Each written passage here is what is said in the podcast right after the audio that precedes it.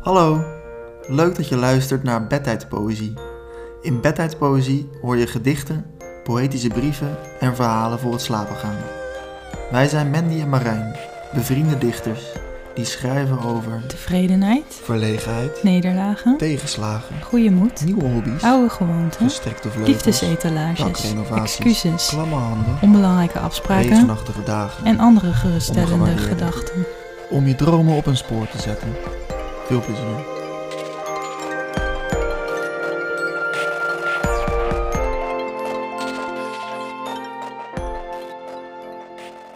Lieve Mandy, ben je verdwaald in de gang? Als in een hotel? Op de tast langs het ribbelig behang? Langs gesloten deuren? Vreemde geuren? Buitenlands gemompel?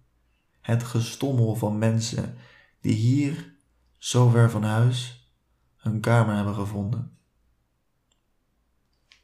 Vind je de weg in je nieuwe huis? Het lichtknopje is soms dichterbij dan je denkt. Al ben je gewend aan de kraakjes in de vloer, meeuwen op de loer, in het hofje, jouw hofje, waar je zo vaak over vertelde, zo vaak van weg snelde om altijd weer terug, gelukkig, in dit verrukkelijke huis.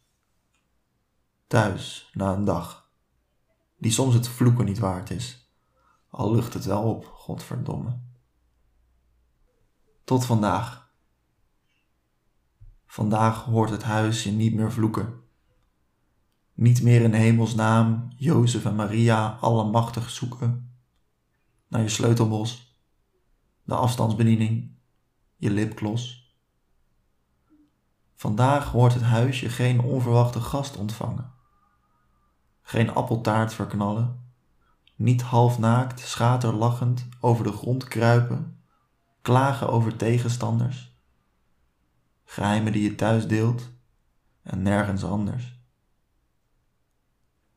Vandaag heeft het huisje weg zien gaan en niet meer terug zien komen. Misschien heeft het eerst gedacht dat je op vakantie ging. Maar wie neemt er nu dertig dozen mee op reis, moet het gedacht hebben. Dat is ten eerste ontzettend onhandig. En ten tweede, waar heb je al die spullen voor nodig? Op reis neemt men hooguit een lieveling, een paspoort, een warme trui, twee schone onderbroeken, een stel goede boeken, stapels van verwachting die met de allergrootste inspanning niet in dertig dozen passen. Onderweg hoeft men weinig. Waarom eigenlijk zoveel als we besluiten te blijven? Nee, het, huis heeft nu vast wel begrepen, Mandy, dat jij nu bent verhuisd.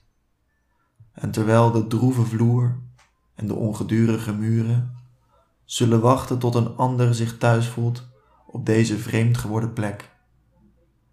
Slaap jij voor het eerst in je nieuwe stek, waar de buren anders klinken en de muren zijn geverfd, die vanaf nu zullen luisteren naar het verhaal dat elders zo abrupt werd onderbroken.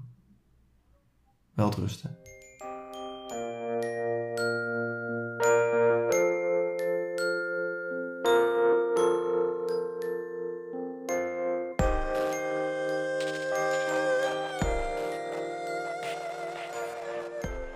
Lieve Marijn, die muren hebben mij altijd in mijn waarde gelaten. Ze hebben me zien huilen, veelvuldig. En heel geduldig wachten ze altijd totdat het weer overging. Terwijl ze mijn gewicht tegen zich aanvoelden, soms zelfs door mij geslagen werden. Nooit gaven ze een kreet. Terwijl ze zoveel weten inmiddels, maar dus ook dat buien stoppen, zon soms fel schijnt om vervolgens weer waterig te worden. Alles opnieuw. Ook de vloeren zijn nooit doorgezakt. Ik heb er nog modern op gedanst terwijl jij emoties door de kamer riep. En de vloer ving toen mijn volle gewicht, of slechts een teen, door alle fases van verbaasd, wanhopig, gelukkig, ontsteld en vol verwachting heen. Nu heb ik een nieuw hofje. Uit het centrum weliswaar, maar ook met portiekflats. Dezelfde kleur gras dat de gemeente komt maaien. Buurmannen die potentieel zullen zwaaien vanaf kleine balkons. En een deur, een berging, 150 euro minder per maand, maar nog steeds te veel. Veel verschil is het niet, zou je zeggen. Al neem je een ziel niet zomaar mee. Maar de ruimte daar heeft mij precies genoeg omhelst, Marijn. Ze heeft jou omhelst. Andere vrienden, geliefden. De inhoud hebben we gekleurd met kaarsen. Veelsoortige klanken klonken uit de speakers. Veelsoortige dranken stonden op het karretje. Het is tijd om opnieuw te beginnen, zeg ik voor de zoveelste keer. Weer verhuizen, afsluiten, opbouwen. Even rouwen, even vieren. Hier is nu thuis en hier zullen andere hoeken ook luisteren. Of juist niet, wat maakt het ook uit, als wij maar kunnen praten.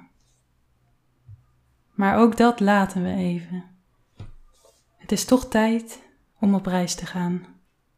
Met stapels verwachting, zoals je zei, en misschien een knuffeltrui. Om dan daarna weer naar huis te verlangen, naar oud en nieuw tegelijk. Verder gaan, waar gebleven, maar dan anders. We zullen een boek en een pen meenemen om vervolgens niets te schrijven of alleen wat krabbels. We gaan op reis en zullen anders zijn. Een heel klein beetje of wat meer. We zullen kunnen surfen. We zullen durven staan. Even laten we alles voorbij gaan. We hebben dromen verzonnen waar we in zijn gaan geloven. We hebben gelachen, zenuwachtig, onze kelen geschaapt. Het is een eind maar we zijn begonnen. Slaap lekker. Leuk dat je luisterde naar onze brief voor dagdromers, wakkerliggers en nachtvlinders. Dit was de laatste aflevering van het eerste seizoen van Bedtijdpoëzie. We nemen even een pauze om na te denken over het volgende seizoen. Tot die tijd blijven natuurlijk alle afleveringen beschikbaar en kun je ze alle acht nog eens terugluisteren. Vond je bedtijdpoëzie leuk? Laat het ons dan even weten via Instagram, Lama Praten, of via info.lamapraten.nl. Ontzettend leuk dat je luisterde, dank je wel en voor nu, 哼声。